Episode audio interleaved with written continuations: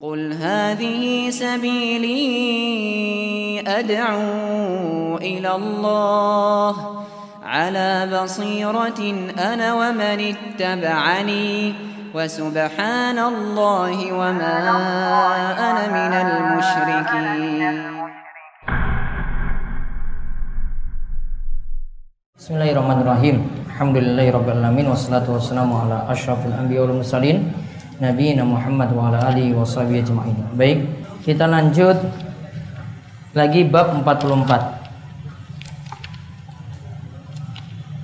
Dan 45. Sekarang masih seputar ucapan-ucapan lagi. Kalau kemarin malam-malam hati terus tentang ucapan-ucapan saat ini akan diperjelas lagi oleh Syekh Muhammad bin Abdul Wahab. Lihat bab 44 babnya judulnya secara bahasa Arab bab Masya Allah wa syi'ta yaitu perkataan atas kehendak Allah dan kehendakmu. Ya, sekarang kita lihat bahasanya. Ucapan yang terlarang.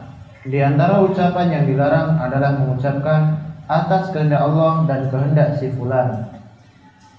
Utailah rahim radhiyallahu anhu menuturkan ada seorang Yahudi yang menemui Rasulullah Shallallahu alaihi wasallam dan mengatakan, Sesungguhnya kalian telah berbuat syirik karena kalian mengatakan atas kehendak Allah dan atas kehendakmu dan mengatakan demi Ka'bah. Nabi Shallallahu Alaihi Wasallam lantas memerintahkan para sahabat jika ini bersumpah hendaknya mengucapkan demi Rob Ka'bah dan mengucapkan atas kehendak Allah kemudian atas kehendakmu. Ya, ada seorang Yahudi yang menemui Rasulullah SAW dan mengatakan, Sesungguhnya innakum tusyrikun.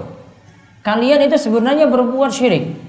Taquluna masya Allah masyi'ta. Orang Yahudi paham. Syiriknya itu adalah ucapan masya Allah wa syi'ta. Atas kehendak Allah dan atas kehendakmu. Atas kehendak Allah dan atas kehendakmu. Watakulun dan kalian katakan juga, kalian bersumpah wal Ka'bah. Wa itu artinya demi, seperti wal asr ya. Demi ya, yaitu kalau wal asr demi masa. Namun itu Allah yang bersumpah. Kalau di sini makhluk yang bersumpah dengan nama makhluk nggak boleh. Wal Ka'bah demi Ka'bah.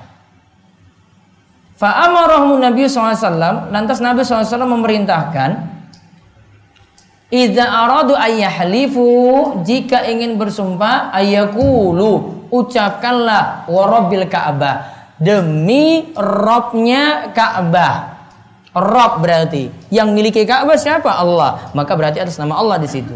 Wa ayyakulu atau mengatakan masya Allah summa syi'ta atas kehendak Allah kemudian. Jadi beda kata antara tadi ya dan dan kemudian atas kehendakmu. Jadi yang diucapkan pakai kata summa atau kemudian. An-Nasai An-Nasai meriwayatkan dari Ibnu Abbas radhiyallahu anhu bahwa ada seseorang yang berkata kepada Nabi sallallahu alaihi wasallam atas kehendak Allah dan atas kehendakmu.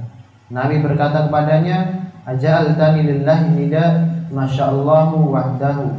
Apakah Aja'altani lillahi niddan. Aja'altani lillahi niddan. Masya Allah, Masya Allahu wahdahu. Apakah engkau menjadikanku sebagai sekutu bagi Allah? Katakanlah atas kehendak Allah semata. Lihat, aja'altani aja'altani lillahi niddan. Apakah engkau menjadikanku sebagai sekutu bagi Allah? Masya Allah wahada. Nabi katakan ini karena ada yang mengucapkan Masya Allahu summa syi'ta. Wahai Nabi, ini atas kehendak Allah dan juga kehendakmu. Kalau tidak karenamu, ya tentu tidak bisa. Pakai dan di sini. Nabi tegur. Apakah engkau ingin jadi tandingan? Jadikan aku itu sebagai tandingan bagi Allah? Gak pantas. Harusnya yang diucapkan apa? Masya Allah wahda. Atas kehendak Allah semata. Terus Ibnu Majah. Ibnu Majah meriwayatkan dari At-Tufail, saudara seibu Aisyah. Dia menuturkan bahwa dirinya bermimpi seolah-olah mendatangi sekelompok orang Yahudi.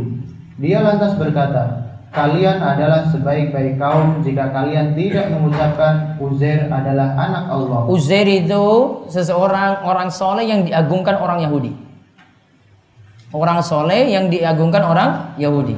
Terus mereka mengatakan, mereka mengatakan kalian juga adalah sebaik-baik kaum jika kalian tidak mengucapkan atas kehendak Allah dan atas kehendak Muhammad. Nah, kalimat yang salah atas kehendak Allah dan atas kehendak Muhammad. Harusnya pakai kata apa? Kemudian. Setelah itu masih dalam mimpi. Setelah itu Atufail bertemu dengan orang-orang Nasrani dan mengatakan, Kalian adalah sebaik-baik kaum kalau kalian tidak mengucapkan Al-Masih adalah anak Allah. Mereka mengatakan, kalian adalah sebaik-baik kaum kalau kalian tidak mengucapkan atas kehendak Allah dan atas kehendak Muhammad. Berarti orang Yahudi sudah paham beberapa bentuk syirik. Contohnya bentuk syirik dalam ucapan. Yaitu ucapannya apa? Masya Allahu wa syi'ta.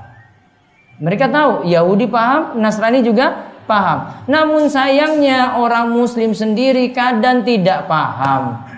Orang luar yang beda keyakinan itu lebih paham daripada kita-kita ini. Padahal kita yang memiliki ajaran ini loh.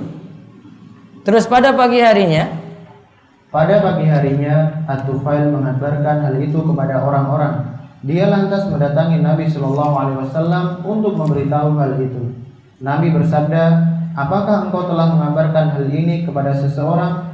Dia menjawab, ya. Setelah itu setelah memuji dan menyanjung Allah, Nabi bersabda, At-Tufail telah bermimpi dan telah diberitahukannya beberapa orang di antara kalian. Sesungguhnya kalian telah mengatakan suatu ucapan yang belum sempat aku larang karena ada beberapa penghalang. Oleh karena itu, sekarang janganlah kalian mengucapkan atas kehendak Allah dan atas kehendak Muhammad. Akan tetapi katakanlah atas kehendak Allah semata. Kalau mau katakan Masya Allah wahdah saja, atau masya Allah summa syi'ita tidak mengatakan masya Allah wa sya'a Muhammad. Karena berarti menye menyejajarkan antara Allah dengan makhluk. Ucapan butuh diatur seperti itu. Kesimpulannya ucapan masya Allah wa syi'ita atas kehendak Allah dan kehendakmu masuk syirik. Ucapan tadi yang kita bahas itu masuk dalam syirik. Sekarang lihat kandungan bab. Kandungan bab satu Orang Yahudi juga mengetahui permasalahan syirik aswar atau kecil. Nah, orang Yahudi paham syirik aswar. Maka orang muslim harusnya lebih paham untuk itu. Dua. Pemahaman seseorang terkadang dipengaruhi oleh hawa nafsunya. Pemahaman seseorang terkadang dipengaruhi oleh hawa nafsunya. Hawa nafsu yang membuat dia punya pemahaman jelek dan hawa nafsu itu yang biasanya mengantarkan kepada kejelekan. Tiga Rasulullah Shallallahu Alaihi Wasallam berkomentar terhadap orang yang mengatakan atas kehendak Allah dan atas kehendakmu. Dengan bersabda apakah apakah engkau menjadikanku sebagai sekutu bagi Allah? Lantas bagaimanakah komentar beliau kalau ada orang mengatakan duhai makhluk yang paling mulia tidaklah aku memiliki tempat berlindung yang lebih baik selain engkau dan dua bait selanjutnya nah beliau kritik itu ada bait-bait yang orang itu biasanya nyanyikan atau senandungkan atau kan ataukah jadikan syair. Namun kandungannya itu syirik. Ya, ini kalau bahasa Arabnya ini sebentar.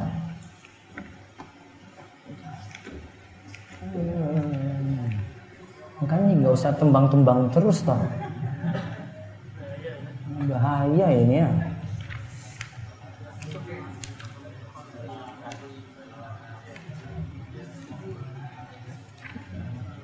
Tiga.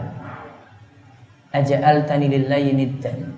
Fa kaifa biman qala? Mali man aludu bihi siwaka. Ini kayaknya bait syair ini.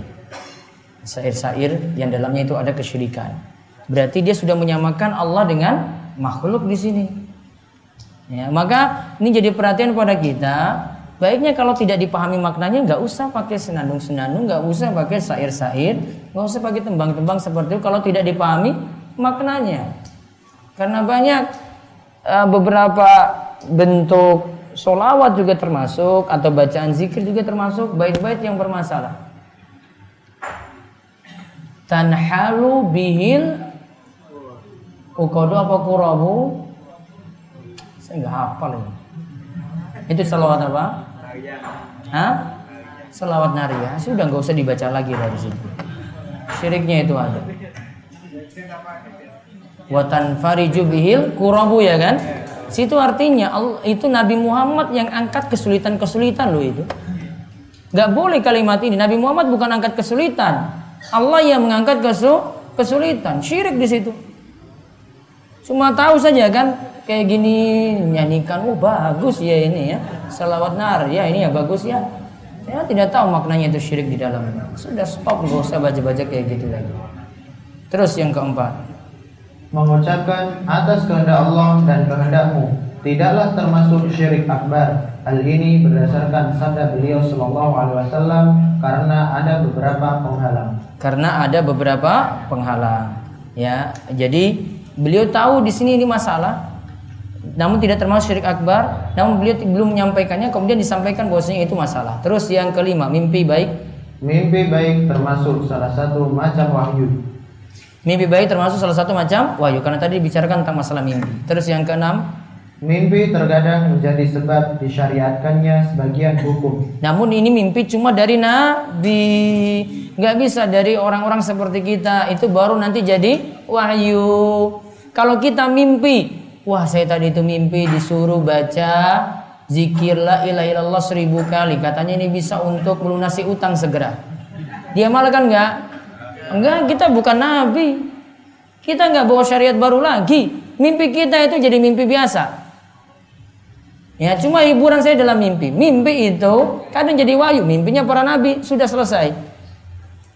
Ada yang mimpinya tanda-tanda baik ada. Kalau mimpinya jelek tidak boleh diceritakan pada orang lain. Demikian kita cukupkan kita tutup kalian doa kafaratul majelis. Subhanakallahumma bihamdika asyhadu an la ilaha illa anta astaghfiruka wa atubu ilaik. Assalamualaikum warahmatullahi wabarakatuh.